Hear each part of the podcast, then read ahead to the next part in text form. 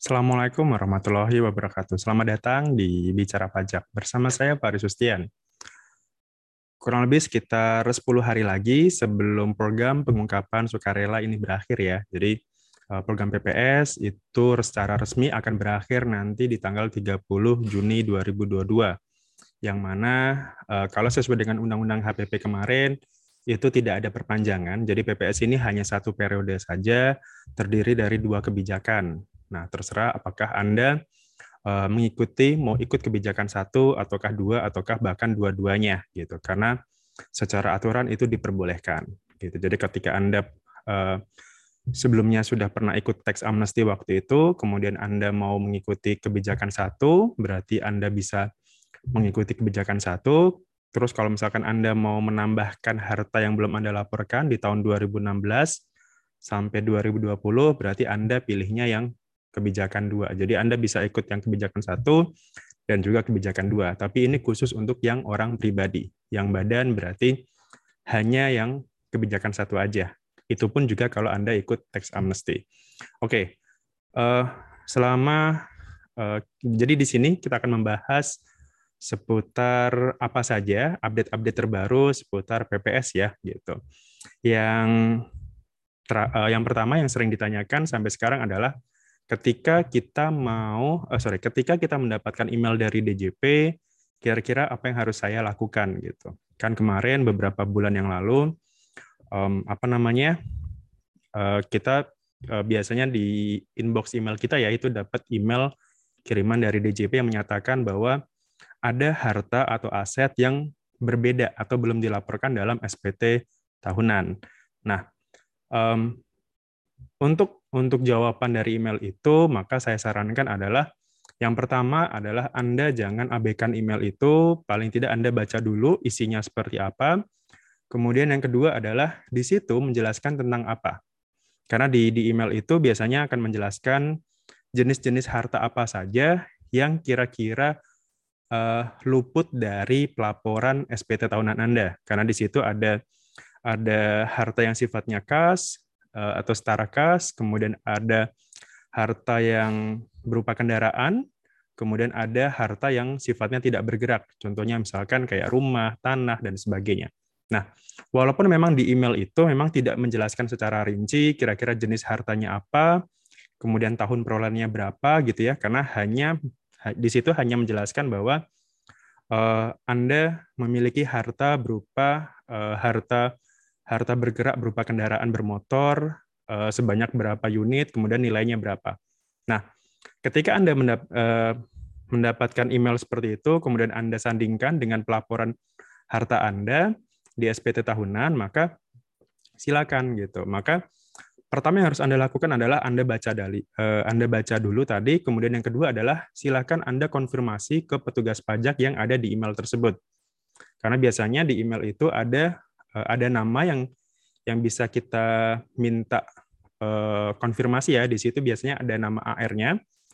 Uh, eh, AR itu adalah akun representatif, jadi uh, semacam apa ya semacam pengawas uh, bagi anda gitu ya. Jadi satu jadi setiap wajib pajak itu pasti memiliki AR-nya masing-masing gitu. Nah AR ini tugasnya adalah mengawasi kewajiban perpajakan Anda apakah sudah benar atau tidak gitu. Jadi ketika ketika tadi ya ketika kita dapat email dari DJP, maka uh, berikutnya adalah Anda silakan hubungi AR Anda, bisa via telepon, bisa via WA kalau ada nomornya di situ, atau bisa datang langsung ke KPP tempat Anda terdaftar di situ. Jadi silakan Anda uh, tanya, Pak, ini saya dapat email dari DJP isinya uh, isinya seperti ini terkait PPS, kemudian apa yang harus saya lakukan?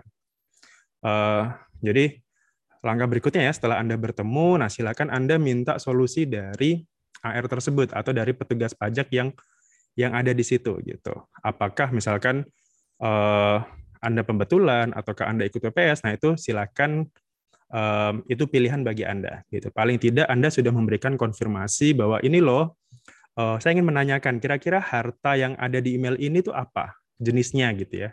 Siapa tahu mungkin katakanlah mungkin uh, saya lupa atau mungkin saya sudah mencantumkan tapi dengan nilai lain, ataukah memang data itu sebenarnya bukan milik kita gitu ya. Jadi katakanlah misalkan ada nih kita punya katakanlah di email itu kita punya reksadana nilainya 5 miliar misalkan. Padahal oke okay, saya punya reksadana tapi tidak sebanyak itu gitu.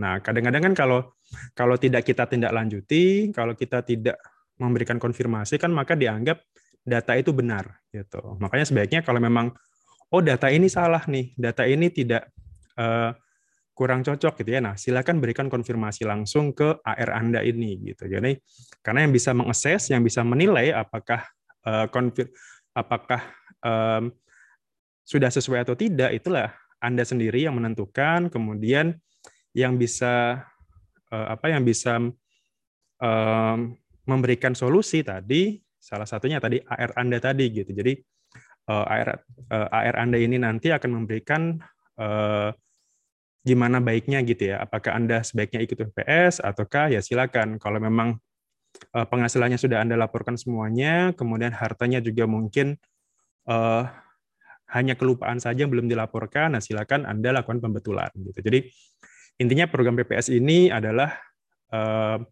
baik untuk Anda karena paling tidak Anda relatif lebih apa ya, lebih lebih lebih terlindungi dari hal-hal yang sekiranya nanti akan terjadi di di eh, tahun-tahun ke depan gitu. Karena kita tahu pajak itu kan sifatnya historical ya. Jadi uh, apa yang sudah kita laporkan di lima tahun ke belakang itu masih bisa uh, diteliti atau diperiksa oleh DJP gitu. Karena daluarsa pajak itu kan lima tahun gitu. Artinya ketika kita lapor SPT tahun ini, tahun 2022 ini misalkan, maka sampai dengan lima tahun ke depan SPT ini masih bisa diteliti oleh DJP apakah sudah benar atau tidak gitu karena kan balik lagi ya ke ke sistem sistem sistem pemungutan pajak di Indonesia itu menganut self assessment artinya kita sendiri wajib pajak sendiri yang menghitung melapor eh, menghitung menyetor dan melaporkan itu adalah anda sendiri DJP hanya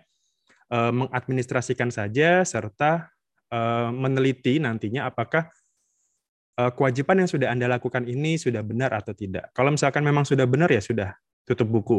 Tapi kalau misalkan ternyata ada ada yang mungkin harus diperbaiki, yang mungkin harus dibetulkan atau mungkin bahkan memang harus diperiksa, nah itu memang tugasnya DJP di situ gitu. Oke, paling itu ya. Uh, kalau terkait dengan email, kalau terkait dengan email, jadi sebaiknya uh, tadi ya jangan sampai diabaikan gitu ya. Uh, sebaiknya segera aja ini mumpung masih ada sekitar 10 hari. Uh, silakan dicek lagi isi emailnya seperti apa, kemudian hubungi langsung uh, nama yang tertera di email tersebut atau surat tersebut ya, karena ada yang dikirim via email ataupun via surat seperti itu. Kemudian um, yang kedua adalah terkait apa saja yang harus dipersiapkan ketika Anda mau ikut PPS.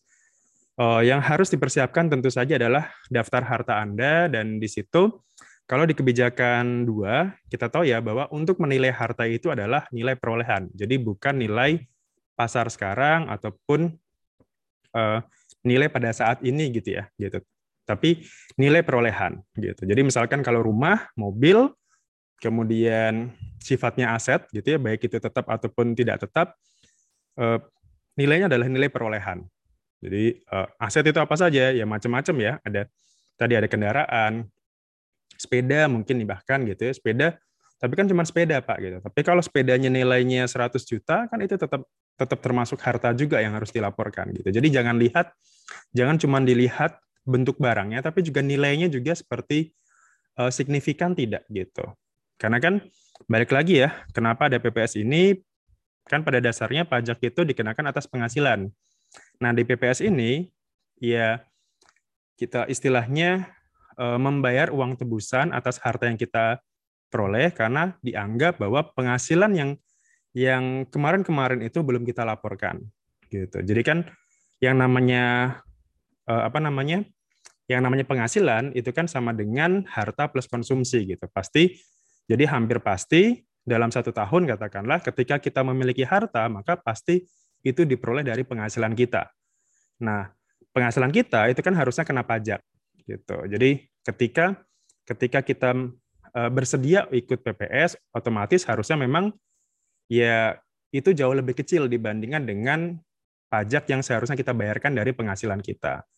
Dengan catatan tadi ya, dengan catatan memang selama ini uh, Anda belum patuh nih, Anda belum belum apa ya, belum ya belum sesuai dengan yang seharusnya lah dari pajak uh, atas penghasilan Anda. Tapi kalau misalkan Anda seorang karyawan, uh, penghasilan Anda juga uh, kurang lebih sama dengan yang yang sudah dilaporkan sebagai karyawan, Anda cuman mungkin hanya lupa saja melaporkan harta Anda, nah ya silakan itu balik lagi ke pilihan Anda apakah tetap ikut pembetulan ataukah ikut PPS gitu. Nah, saran saya tadi ya tetap mintakan konsultasi juga ke AR Anda ataupun di pajak sendiri itu ada yang namanya penyuluh eh, penyuluh pajak gitu. Jadi eh, penyuluh pajak ini adalah bertugas memang untuk memberikan edukasi, memberikan eh, pelayanan terkait informasi-informasi seputar perpajakan gitu. Jadi sebaiknya itu Anda minta buat apa ya, istilahnya second opinion gitu. Jadi jadi Anda harus harus apa harus minta informasi ini sebanyak-banyaknya biar Anda lebih yakin gitu ya. Anda lebih yakin apakah uh, sebaiknya saya ikut PPS ataukah uh, tidak seperti itu. Karena di situ juga uh, ada plus minusnya. Kalau Anda ikut PPS, kira-kira benefitnya apa yang bisa saya beri apa yang bisa saya peroleh? Kalau misalkan Anda tidak ikut PPS, kira-kira resikonya itu seperti apa atau uh, resiko yang terbesar atau terkecil kira-kira apa? Itu yang tetap harus Anda pikirkan juga. Oke, paling uh, itu dulu ya uh, terkait last minute ini terkait apa panggilan terakhir bagi Anda yang mungkin masih ingin ikut PPS dan PPS ini uh, satu periode tapi ketika Anda ingin menambah terus ya misalkan katakanlah hari ini ikut PPS uh, kemudian misalkan besoknya kelupaan ada harta yang belum dilaporkan Nah, silakan itu diikutkan kembali gitu. Jadi PPS ini masih bisa dibetulkan beberapa kali sampai nanti akhir periode. Tapi ketika nanti sekali Anda membatalkan PPS, maka Anda tidak bisa ikut lagi PPS ini. Gitu. Jadi pastikan pertama tadi ketika dapat email, silakan konfirmasi dulu ke DJP. Kedua, eh, persiapkan detail-detail harta, detail-detail utang misalkan, dan dokumen-dokumen yang terkait harta dan utang itu tidak perlu Anda upload. Yang penting Anda berikan uh, keterangannya dokumen ini apa dan juga nomornya berapa. Gitu. Jadi uh, tidak perlu Anda harus upload dokumen tersebut gitu. Jadi yang penting uh, jelas keterangannya apa, dokumennya apa, kemudian nomornya berapa. Termasuk juga utang ya, utang uh, sepanjang itu terkait dengan harta yang Anda ungkap, nilainya berapapun, yang penting pokok pokok utangnya saja yang boleh dikurangkan itu silakan gitu. Silakan di dijadikan sebagai pengurang dari harta tersebut. Oke, demikian. Semoga informasi ini berguna bagi Anda. Mohon maaf kalau ada kekurangan. Dan terima kasih atas supportnya terhadap channel ini. Eh, sampai jumpa lagi di pembahasan berikutnya. Assalamualaikum warahmatullahi wabarakatuh. Salam.